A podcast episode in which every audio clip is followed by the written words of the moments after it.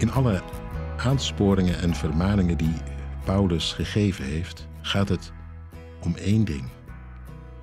Dat het kwade wordt overwonnen en dat het goede van God zich doorzet. Niet alleen in de relatie tot God zelf, maar ook onderling. Dat vooral. Dat de liefde wordt geleefd, want zo wordt het zichtbaar. Dat de geest van Christus in ons woont. En anders, ja. Hoe zou je dan het verschil moeten zien tussen iemand die thuis is bij God en van God vervreemd is? Opnieuw nu zo'n aansporing. Hoofdstuk 4, het 31ste vers. Laat alle wrok en drift en boosheid varen, alle geschreeuw en gevloek en alle kwaadaardigheid. Dat is zo'n zinnetje waar je ook een beetje tegen op kunt lopen. Het lijkt alsof geloven dan toch iets is voor softies die alles maar slikken. Die altijd de onderste weg gaan, bijvoorbeeld al. Voordat ze maar boos kunnen worden, zijn ze al aan het vergoeilijken.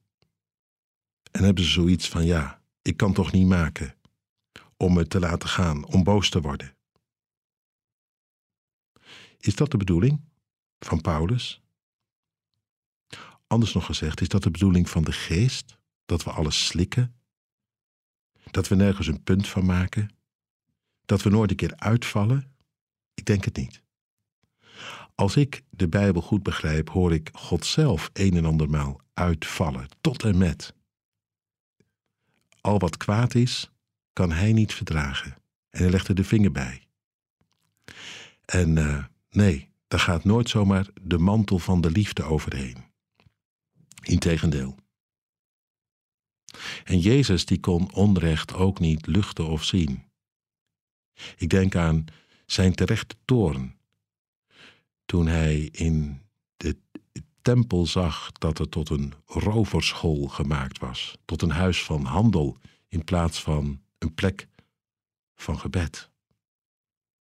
Je mag uitvallen, uitvaren, daar waar het niet klopt, niet deugt, ook in onderlinge relaties soms zo fout is en vals, zo gemeen en verkeerd. Geloven is niet alles slikken. Geloven betekent ook de vinger leggen bij wat stuk maakt, verkeerd is, ronduit zonde.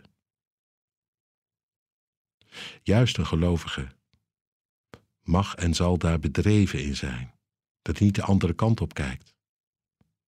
Maar het eerlijk durft te zeggen: dit kun je niet maken, wat je nu doet. Maar daarbij, ja, dan wel altijd die uitgestoken hand. Erop uit om het op te ruimen, niet om je erin vast te bijten, in dat kwade van een ander. Met als gevolg dat je je laat eh, gelden, het kwaadaardig wordt. Jij, als het ware, er nog een schep bovenop doet, het van kwaad tot erger gaat. Dat is het wat hier wordt bedoeld. Laat alle wrok en drift en boosheid varen dat het uh, uitmondt in schreeuwen en vloeken. En uiteindelijk leidt tot kwaadaardigheid. Dat je denkt, als ik even de kans krijg, dan zal hij of zij ervan lusten. Dan krijgt hij het dubbel betaald gezet. Dat wordt dan kwaad in het kwadraat.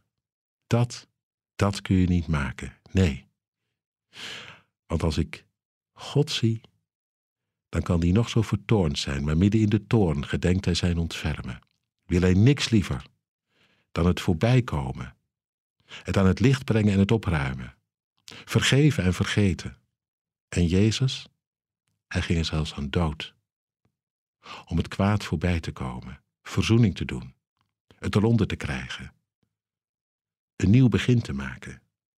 Hoeveel te meer dan in dat spoor. Ook jij en ik. Het wordt nog een hele klus.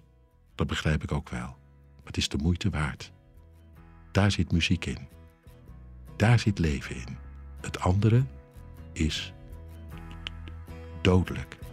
Voor de ander en voor jezelf.